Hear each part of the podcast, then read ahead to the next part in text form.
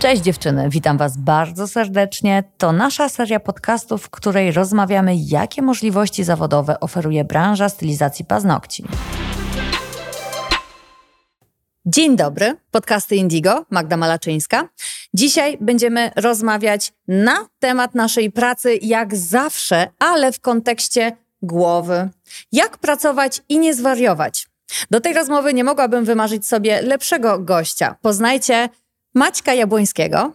Witam, cześć, cześć Magda. Który jest dyplomowanym psychoterapeutą, psychologiem i czynnym praktykiem. Maćku, gdzie można Cię spotkać na co dzień w pracy? Magdo, można mnie spotkać w prywatnym gabinecie e, w Łodzi i można mnie spotkać w szpitalu psychiatrycznym i w poradni psychiatrycznej też w Łodzi. Fajnie, że to wybrzmiewa, ponieważ w dzisiejszych czasach mediów społecznościowych i ogromnego boom wszelkich treści psychologicznych i coachingowych, chciałabym zaznaczyć, mamy tutaj do czynienia z osobą, która w praktyce i z dokumentem z certyfikatem. Mam po, papiery. Po, z papierami, dokładnie. Po pięciu latach psychologii i czterech latach psychoterapii pomaga pacjentom. To jest istotne. Dziewczyny, ja jestem po psychologii, tak? Jestem. Można mnie nazwać psychologiem z tytułu, ale w praktyce nie pracowałam nigdy z pacjentem, więc, więc tym bardziej cieszę się, że jesteś dzisiaj z nami. Będziemy rozmawiać o tym, jak pracować i nie zwariować. To myślę temat bardzo na czasie. Troszkę cię pozwolisz wprowadzę w kuluary naszej branży. Stylistki paznokci to dziewczyny, które w dość młodym wieku rzucają się na głęboką wodę, często nie mają wsparcia w rodzinie z punktu widzenia merytorycznego. Często się zdarza, że to one pierwsze otwierają własną działalność, a rodzice są etatowcami. Poza tym też salon może nabrać takiego rozmachu, że okazuje się, że nagle po roku, półtorej, dwóch latach zarabiają najwięcej w całej rodzinie i też nie za bardzo mają się z kim skonsultować. To wytwarza ogromną presję.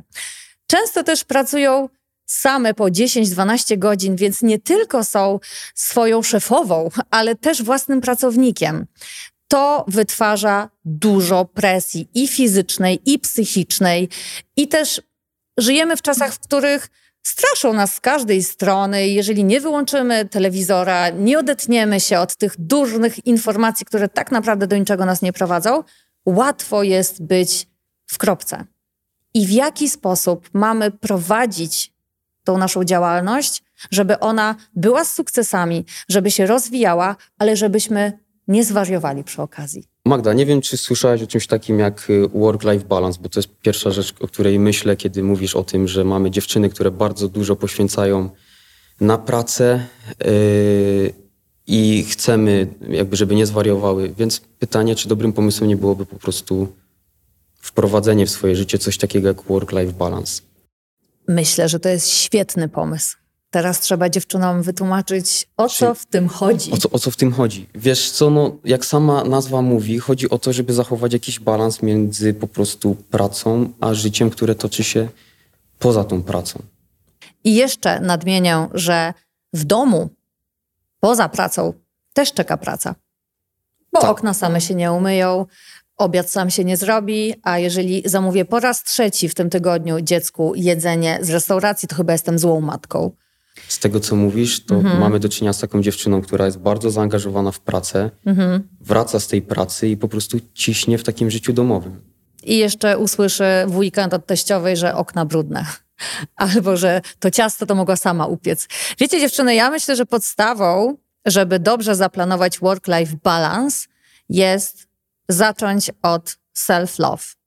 To jest, e, rozmawialiśmy z Maćkiem, zanim zaczęliśmy nagrywać, aż dziwne, że tak niepopularne sformułowanie w Polsce, bo jak spojrzymy sobie na zagraniczne źródła dotyczące pracy nad sobą, samorozwoju, psychologii, to self-love jest podstawowym pojęciem.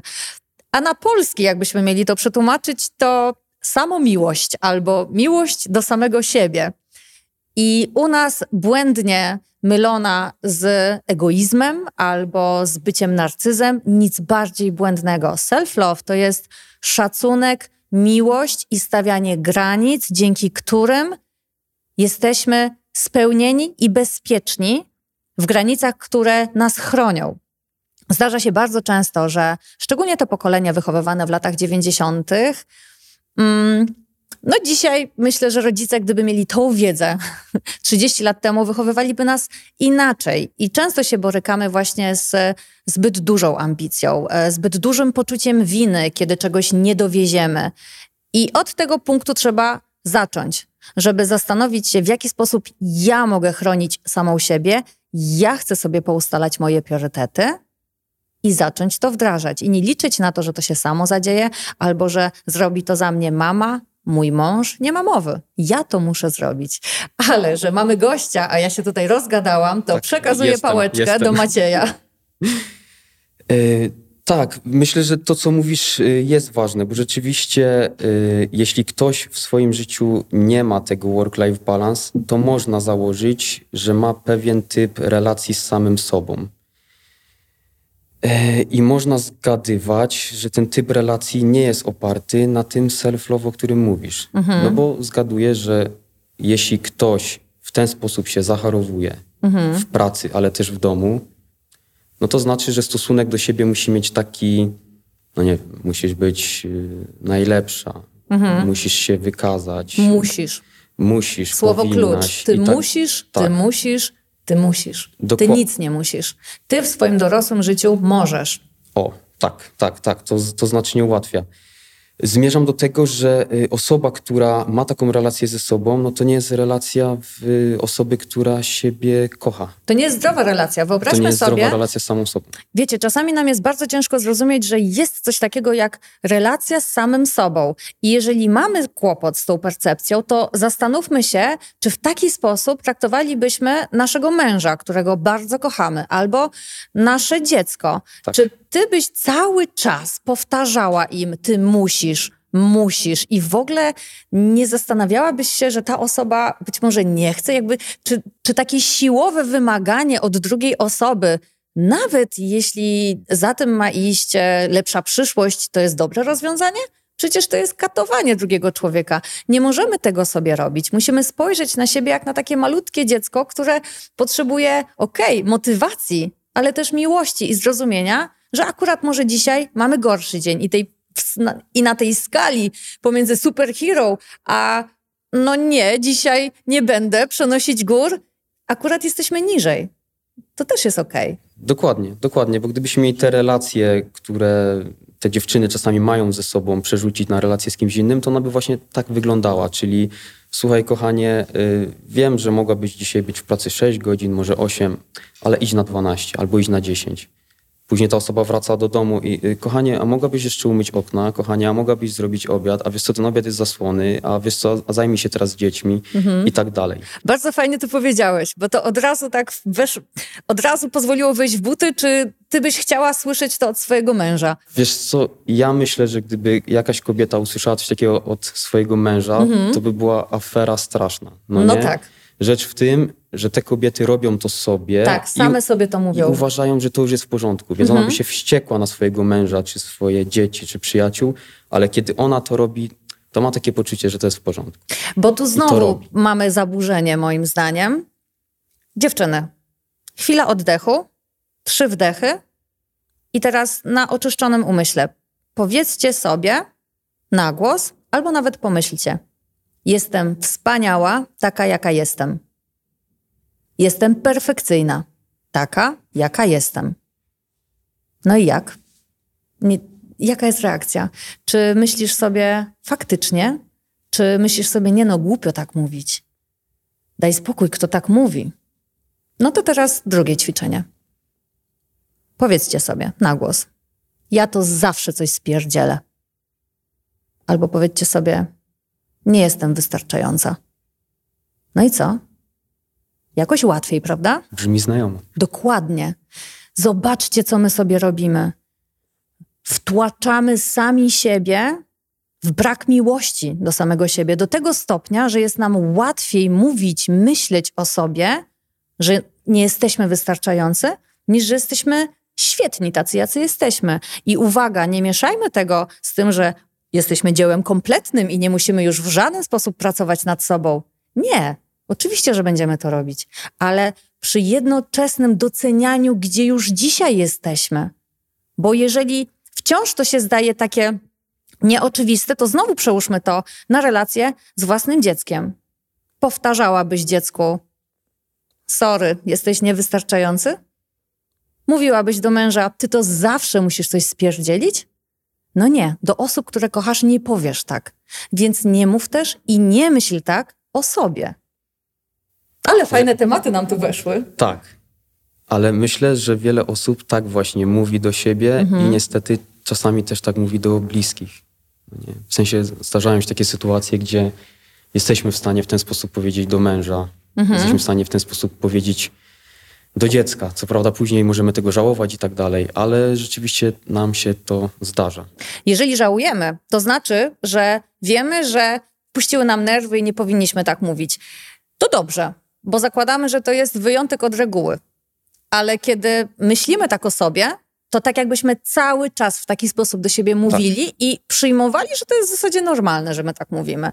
Więc jeżeli zastanawiacie się, dziewczyny, czym jest self-love, to w pierwszej kolejności jest to mówienie i myślenie o sobie z miłością, szacunkiem i wyrozumiałością, taką, jaką dajecie swoim najbliższym. Plus dodałbym do tego traktowanie się w ten sposób. Mówienie to jest jedno, Mhm. ale też, żeby to się przełożyło na jakieś zachowania. I tu, gdybym miał odnieść to do tego work-life balance, no to na przykład gdybym kogoś kochał, to pewnie nie chciałbym, żeby się w pracy zacharowywał. Mhm. Więc jeśli dziewczyny miałyby też się traktować w ten sposób, nie tylko do siebie tak mówić, to pewnie warto by było, żeby rozważyły, czy na pewno te 10 godzin, 12 godzin, od poniedziałku do piątku, a może i dłużej, i to wszystko inne, co robią, to czy na pewno im służy, czy to na pewno jest wyraz miłości, czy może wręcz przeciwnie, to jest właśnie to takie traktowanie się, Katowanie. katowanie się po prostu, nie? Tak trzeba to nazwać. I tutaj wjeżdża nam proza życia, bo rachunki same się nie opłacą, mamy inflację, mamy podwyżki prądu. I czasami takie decyzje self-love to będzie proces. Trzeba będzie wziąć kartkę, zastanowić się, rozpisać sobie, ile ja chcę pracować, przykładowo za trzy miesiące, za pół roku i jak ja mogę to osiągnąć.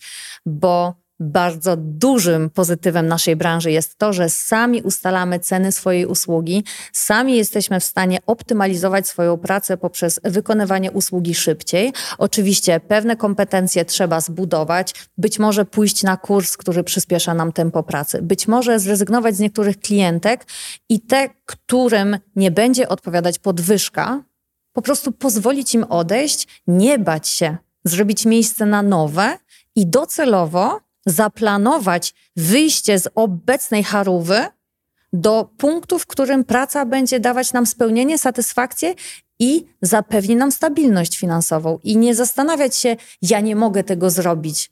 Pomyśleć, okej, teraz nie mogę tego zrobić, ale jeżeli wezmę kartkę i to zaplanuję i rozpiszę, to za rok od tej pory mogę pracować w zupełnie innych realiach. I przypominam dziewczyny, że tylko wy za to odpowiadacie, bo jesteście własnymi szefowymi.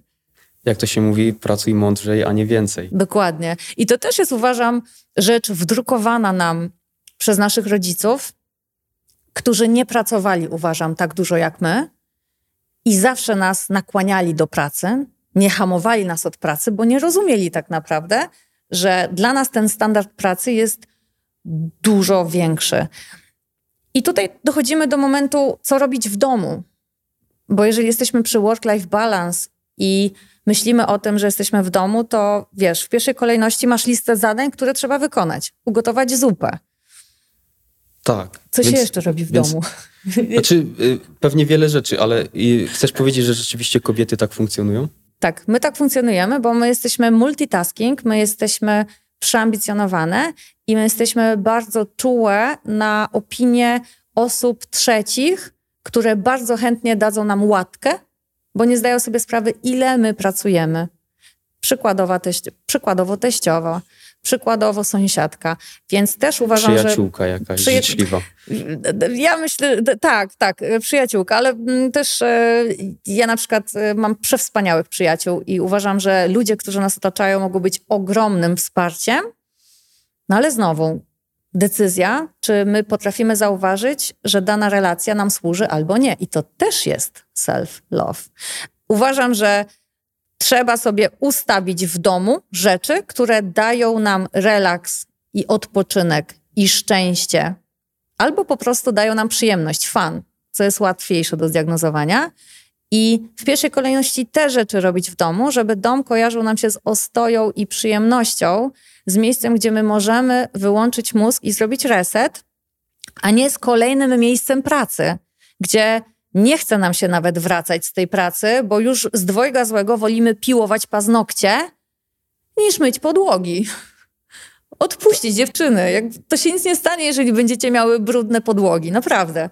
A dziecko, które na pewnym etapie same sobie będzie robiło obiad, to też nie jest niezadbane dziecko. Mój Dariusz, wychowywany przez mamę tylko, która pracowała na trzech etatach, w wieku lat 12 już robił sobie zapiekanki i mama żyła z dużym poczuciem winy, że nie jest w stanie zapewnić jemu takich warunków, czy finansowych, czy opieki. No a Dariusz, powiedzmy szczerze, wyrósł na ludzi. Brawo Dariusz. brawo Dariusz, brawo ty. Okej, okay, no bo zapytałaś o to yy, właśnie, no, co robić po, po pracy, prawda? Mhm. Bo okazuje się na to, że wśród kobiet po pracy kobiety zaczynają pracę. Dokładnie. Na to wychodzi. I wychodzi też na to, że facet po pracy nie pracuje, tylko po prostu zajmuje się sobą i swoimi rzeczami albo odpoczywa.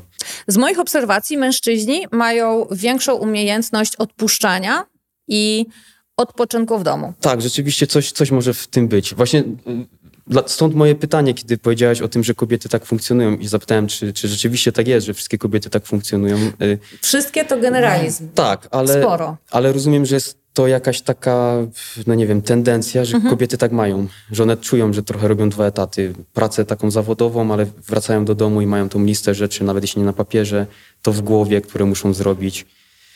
I też ten jakiś lęk przed oceną, tak? który też trochę tak. to napędza. Że Dokładnie. ja muszę o ten dom dbać, że ja muszę dbać o te dzieci. I ci jeszcze wjeżdża potężne poczucie winy, kiedy nie wyrabiasz kiedy tego... sobie tej tak. porąbanej listy zadań, którą sama sobie narzuciłaś. Jednym słowem, narzucasz sobie pętlę na szyję, bo myślisz, że tak trzeba. I kiedy nie wyrabiasz, a masz prawo nie wyrobić, kiedy w ogóle po co wyrabiać? Kiedy nie jesteś w stanie zrobić wszystkiego na 100%, zaczyna się poczucie winy. Tak, więc to jest ta sytuacja, gdzie kobieta może po prostu wrócić z pracy i usiąść na kanapie i włączyć Netflixa, mhm. ale jak wysiedzieć z poczuciem winy, prawda? Skoro już w głowie ma takie, ale tak nie powinnaś, powinnaś coś robić, więc wstaje i to robi. No i myślę, że już odpowiedziałaś na to pytanie, mówiąc, yy, że rzeczywiście po pracy powinno się też znaleźć czas na odpoczynek, ale też na jakiś fan.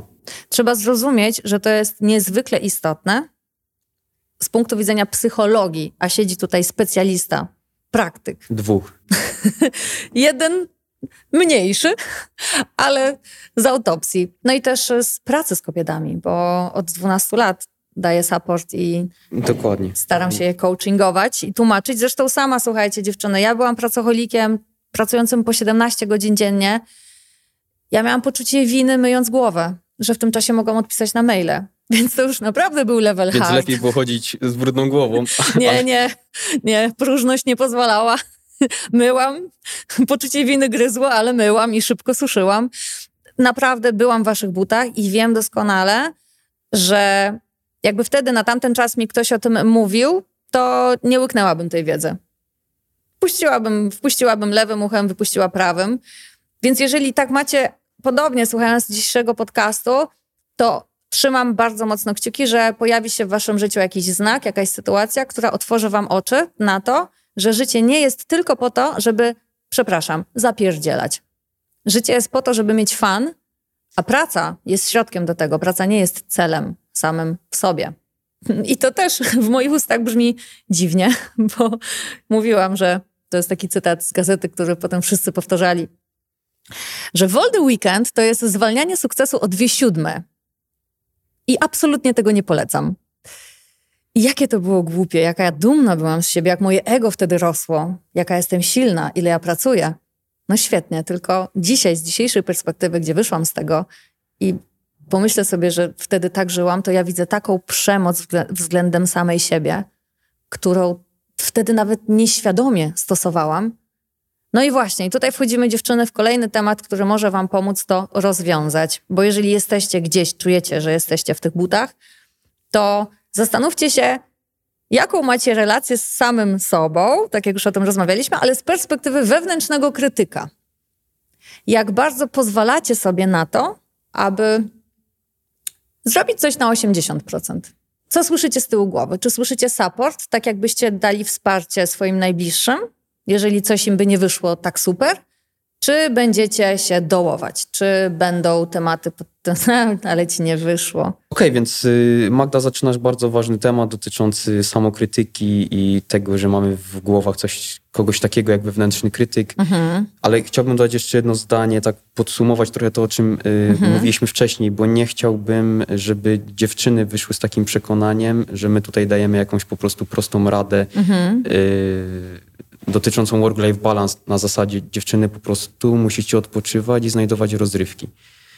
My z Magdą dajemy wam konkretną radę, że to by wam pomogło zachować ten work-life balance, ale każda z was ma trochę inny powód, dlaczego nie potrafi w swoje życie wrzucić odpoczynku i fanu, tylko się zapracowuje. Mhm. I tu już niestety musicie same sobie odpowiedzieć na pytanie, dlaczego wprowadzenie tak chciałoby się wydawać prostej rady w życie, jak po prostu odpocznij albo idź mhm. zrób coś przyjemnego, jest dla ciebie trudne. Musisz sama sobie zadać to pytanie, zastanowić się, dlaczego nie jesteś w stanie tego wprowadzić w życie, no nie? I, I tak, I tak naprawdę rozwiązanie tego to nie będzie leczenie objawu, tylko dojście do korzeni. Do przyczyny co się dzieje. Tak. Co tam jest pod spodem tego, że się czuję niepewnie i nieswojo, kiedy mam odpocząć. Dlaczego? Dokładnie.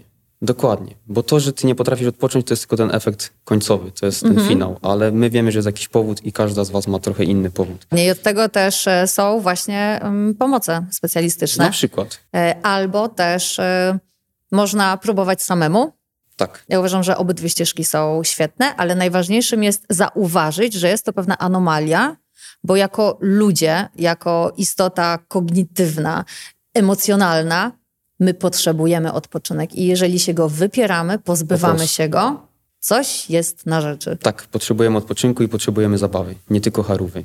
Zaczęłaś temat o e, wewnętrznym krytyku. O wewnętrznym krytyku. Bardzo dobrze to znany jest... kolega, koleżanka tak, tak. w naszym życiu. Tak. Chyba nie znam osoby, która by kogoś takiego w głowie nie miała, takiego życzliwego przyjaciela, mhm. krytycznego. E, I rzeczywiście e, ta koncepcja wewnętrznego krytyka Wychodzi na to, że w ostatnim czasie jest popularna nie tylko w psychologii, wśród specjalistów, ale wychodzi na to, że też po prostu w takim mainstreamie, jak to się mówi, mhm. że też chyba coraz więcej tego jest. Przynajmniej tak jak obserwuję YouTube, to jest dużo podcastów na ten temat, dużo osób, nawet nie specjalistów, wypowiada się na temat wewnętrznego krytyka. Rzeczywiście ktoś taki w naszej głowie jest, e, kto e, no, traktuje nas wyjątkowo brutalnie mówiąc właśnie to wszystko, że coś powinniśmy, że coś musimy. Y, przy czym myślę, że mówienie do kogoś, że coś powinien i musi, to jest jeszcze i tak łagodna wersja, bo ja wiem, że wewnętrzny krytyk potrafi sami powiedzieć, że ktoś jest po prostu i tu można w różne wulgaryzmy wrzucić.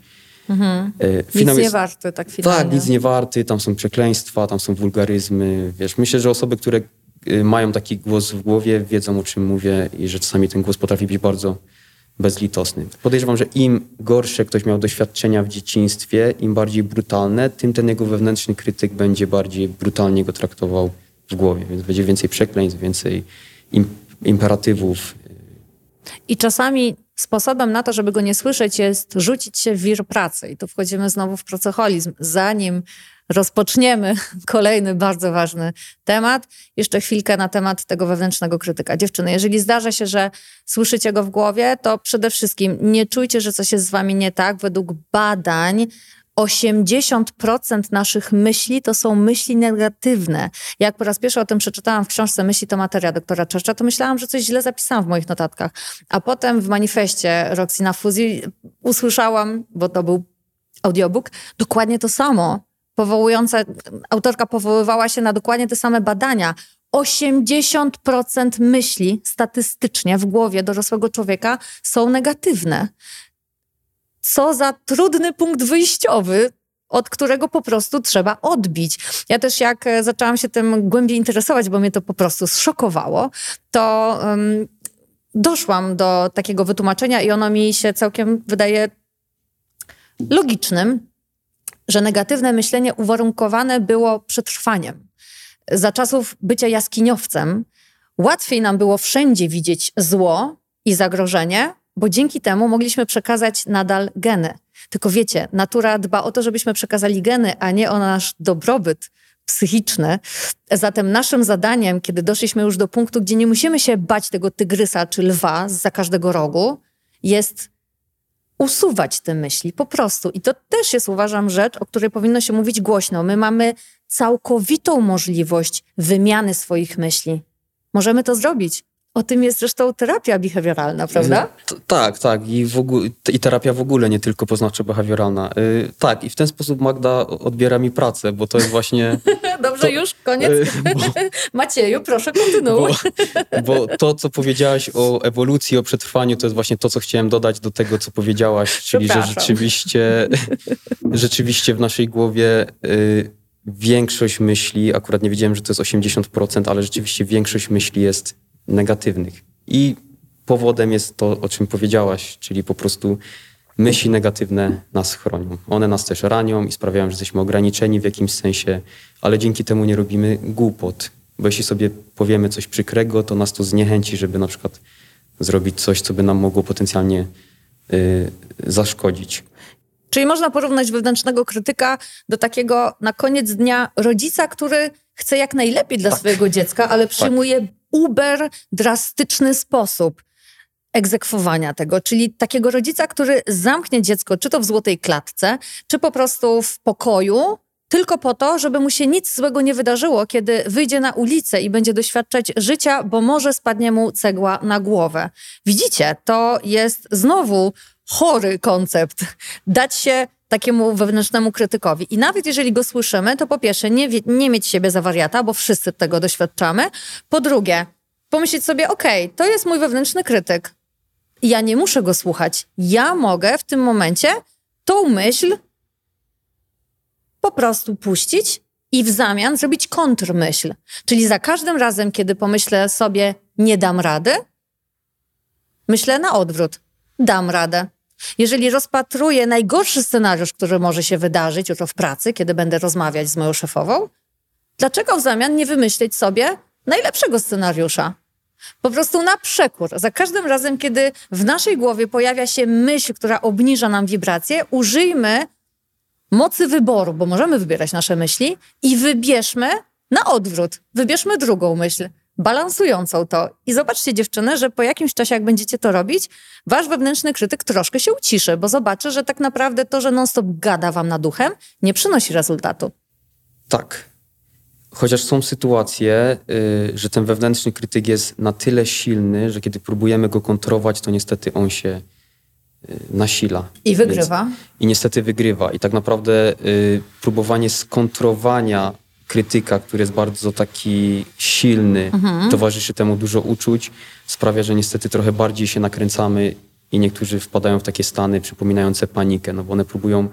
wyprzeć z głowy coś, co jest znacznie silniejsze od nich. Czyli krytyk atakuje, mhm. towarzyszy temu dużo emocji, a ta osoba próbuje, dobra, uspokój się, to nieprawda, to nieprawda i rozumiesz, ta osoba wtedy się nakręca ale mówimy o skrajnych sytuacjach, gdzie mhm. krytyk jest bardzo silny. Ja bym poradziła w takiej skrajnej sytuacji, jeżeli sobie tak zastosujesz takie kontrmyśli i doświadczysz tego, o czym powiedziałeś, to ja myślę, że wtedy konsultacja ze specjalistą się naprawdę przyda. I tu no, dziewczyny właśnie. znowu otwieramy kolejne drzwi powalmy ten stereotyp, że tylko wariaci chodzą do psychologa. No nie. No, właśnie, bo jeśli ktoś jest w stanie na przykład takimi kontrmyślami pokonać krytyka, to znaczy, że może ten krytyk jest, y, wiesz, jakiś umiarkowanie silny i ta mhm. osoba jest w stanie sobie z nim poradzić.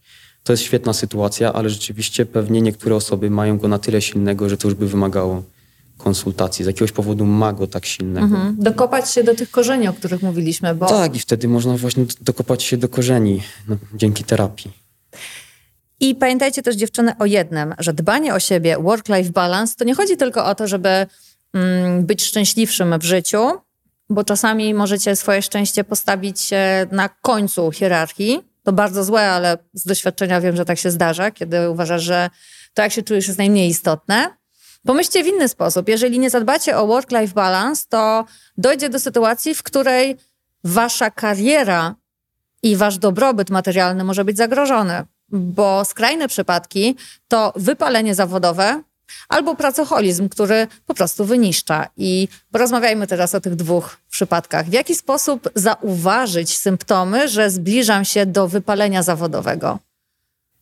E, więc tak, e, samo wypalenie zawodowe, to też myślę jest e, ważne, żeby to podkreślić, jest nie wynika ze stresu jako takiego, tylko raczej jest efektem przedłużającego się stresu. Mhm. Więc takim to, co warto obserwować, żeby temu zapobiec, no to to, na ile my zaczynamy nie panować nad swoim stresem, który jest związany z pracą. Mhm. Więc mhm. żeby temu przeciwdziałać, taka osoba przede wszystkim musiałaby całkiem nieźle siebie znać, żeby zauważyć, że jej poziom napięcia związanego z pracą nie jest jej takim domyślnym, normalnym poziomem napięcia. Mhm. Że on po prostu zaczyna rosnąć i rosnąć. Mhm. Jeśli on będzie po prostu rósł i ta osoba zamiast odpocząć, czy znaleźć jakąś równowagę dla pracy, dalej będzie tak cisnąć w tę pracę, to ten stres będzie rósł, i rósł, i rósł, i on może rosnąć miesiącami, może nawet latami, ale w końcu układ nerwowy stwierdzi, ok, więc skoro ty nie chcesz przerwać, mhm. no to ja, ja przerwę tę zabawę. Ktoś musi. Ktoś musi. Ty nie potrafisz o siebie zadbać, no to ja, twoje ciało, twój umysł, twój układ nerwowy, muszę to zrobić za ciebie. Więc, więc cię odcinam. Mhm. No i wtedy następuje coś, co my nazywamy tym właśnie wypaleniem zawodowym. Mhm. Czyli w tej osobie płonęło coś, jakieś zaangażowanie, jakaś ambicja, ale niestety płomień był na tyle silny, że on po prostu się wypalił. No nie? Ta osoba przesadziła trochę z tym, y, z tą, z tą, z tą, z tą gonitwą. Y, także y, odpowiadając na twoje pytanie, no, ta osoba musi obserwować swój stres po prostu, swoje emocje, bo mhm. jakby kiedy ta osoba nie będzie regulować tych emocji, no to on po prostu mo może się wypalić. I koło się zamyka, bo jeżeli nie dbamy o work-life balance, to dajemy sobie usprawiedliwienie, żeby być wiecznie zestresowanym. Przecież cały czas pracuję. I możemy stracić czujność i uznać, że coraz większy stres staje się naszym standardem. To tak jak palisz jednego papierosa dziennie, potem pięć, potem dziesięć, a potem dwie paczki. Teraz to już mało kto pali, bo się stało pase, ale taki był system przyzwyczajania się do toksyny. I tak samo jest ze stresem. Najpierw się troszkę postresujesz, potem raz na trzy dni, a potem codziennie, a potem będziecie stresować, bo mąż na ciebie krzywo spojrzał. I wiecie, jeżeli zauważacie to, no to słuchajmy Maćka. Bo to może być niestety bardzo niebezpieczna ścieżka do wypalenia. Do, dokładnie, ale to, co powiedziałaś, jest bardzo ważne, że ten poziom tolerancji stresu się podnosi. Więc z jednej strony ja mówię, obserwuj, jak podnosić się ten stres, ale z drugiej strony będziesz zauważać to, że ta tolerancja ci rośnie i że ty jesteś w stanie coraz więcej stresu tolerować i nazywać go normalnym stresem. Mhm. Więc dwie rzeczy tak naprawdę trzeba obserwować. Że stres mi rośnie, ale że się zwiększa moja tolerancja. Mhm.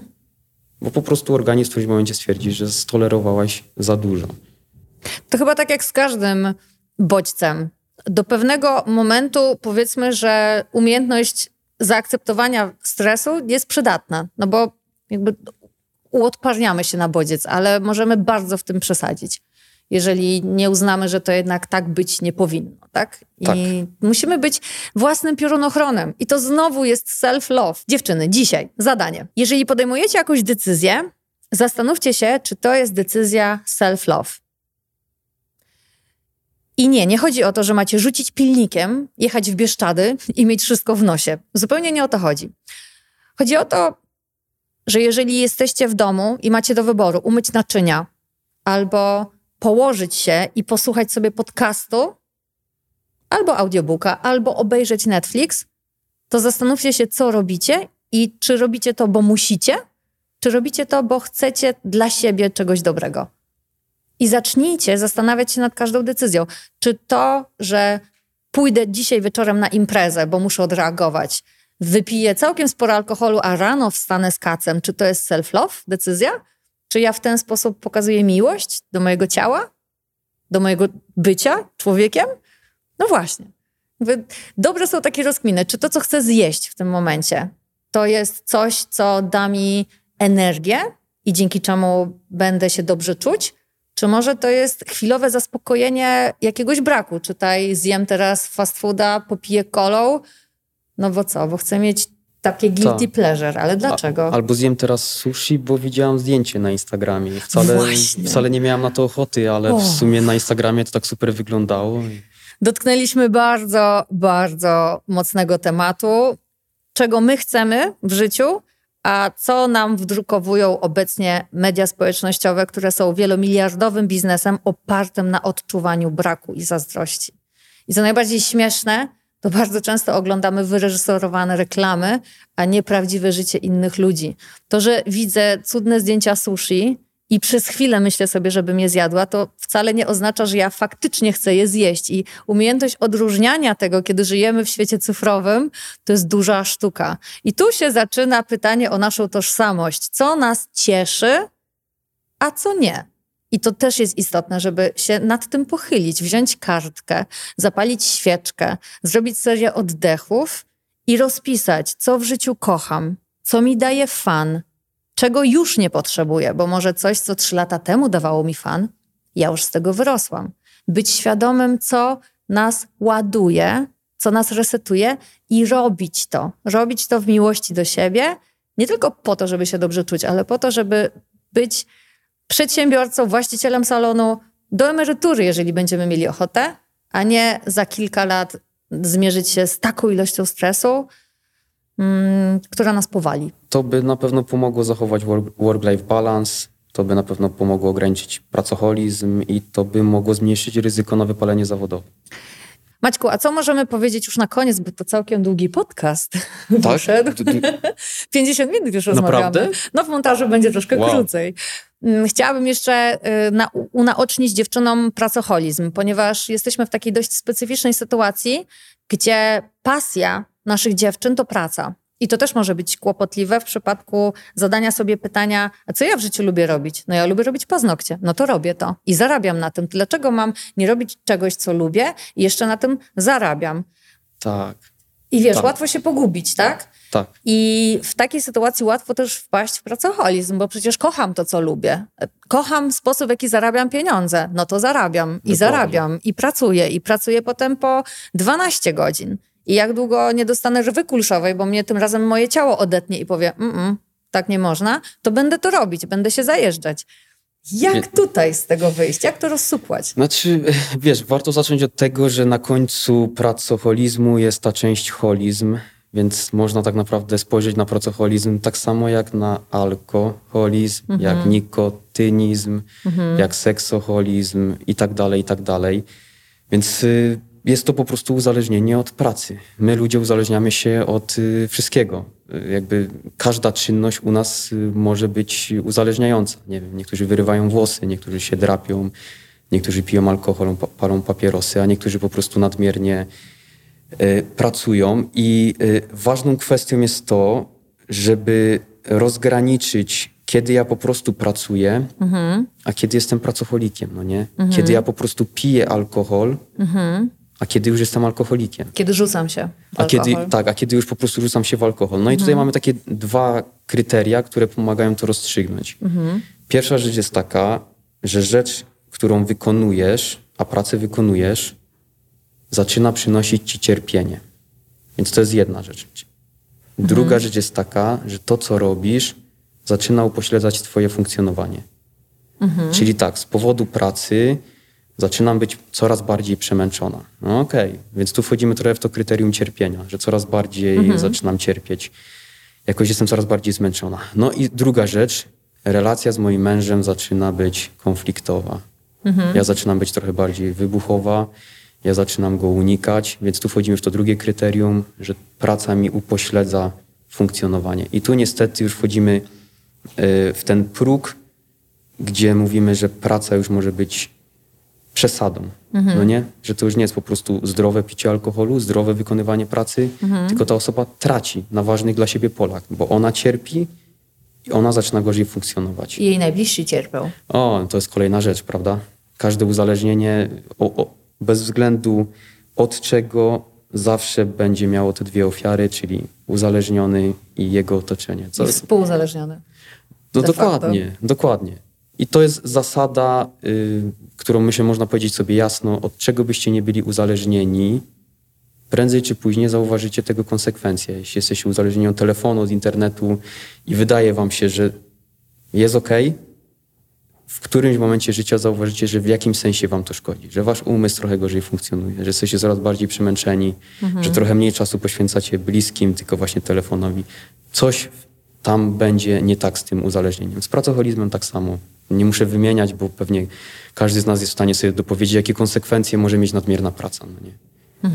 Zatem, droga stylistko paznokci, ciesz się, że jesteś w tej uprzywilejowanej grupie, że praca jest twoją pasją, ale nie mieszaj wolnego czasu z pasją, dzięki której zarabiasz. Oddziel to. Dom jest miejscem, w którym masz zrobić dla zdrowia coś innego niż paznokcie. Nie myśleć o tym, co trzeba zamówić, Coś, co, co może zmotywuje niektóre osoby, żeby właśnie trochę ograniczyć zaangażowanie w, w tą pracę. No bo dziewczyny, jeśli dziewczyny i chłopaki, bo ja rozumiem, że Chłopaki Też. czasem, dziewczyny głównie. Tak, ale rozumiem, że też są tacy, którzy się zajmują paznokciami. Więc y, jeśli to rzeczywiście jest jeszcze wasza pasja i chcecie, żeby tak zostało, Mhm. to naprawdę ograniczcie to. Bo z czasem wasza tolerancja na to będzie rosła i to przestanie być waszą pasją, tylko stanie się jakimś nudnym, monotonnym zajęciem. To jest trochę tak jak z piosenką, która kiedyś była po prostu wspaniała i się nią jarałyście, ale po przesłuchaniu jej trzeci tydzień pod rząd stała się po prostu jakąś całkiem okej piosenką i wymieniłaś to na nową. Więc jeśli chcecie, żeby to było nadal waszą pasją, to naprawdę musicie znaleźć w tym równowagę, bo to stracicie. Z czasem po prostu to stracicie i stanie się to po prostu jakimś nawykiem. Z czasem po prostu może was to zacząć nudzić. Bardzo cenna uwaga. Kochasz sushi, spoko, ale jeżeli będziesz je jeść codziennie, przeje ci się. To po prostu będziecie się cofać na samą myśl. I podobnie jest z, z pracą, którą wykonujecie. Może wam się po prostu z czasem przejeść. Dlatego znajdujcie tą równowagę, chociażby po to. Jeśli nie dla innych powodów, to chociażby po to, żeby to zostało waszą pasją. Maćku, Magdo? bardzo dziękuję. To była świetna rozmowa. Kochane dziewczyny, dajcie nam znać w komentarzach pod y, moim postem na Instagramie. W trakcie pracy, w sensie nie róbcie tego z domu. Dajcie znać, proszę, czy takie wskazówki są dla Was cenne i czy chcecie, żebyśmy jeszcze zaprosili Maćka do naszego studia i omówili kolejne tematy związane na przykład z relacjami, z mężem, z rodzicami, z teściową może. Jeżeli macie jakieś pomysły, o czym moglibyśmy porozmawiać, dajcie proszę znać. A dzisiaj już dziękuję, że byłyście z nami. Dzięki również. Macie Tobie śliczne dzięki raz jeszcze za Dzięki, wizytę. dzięki tobie również za wspaniałą rozmowę. I do usłyszenia na kolejnym podcaście Indigo. Cześć! Cześć.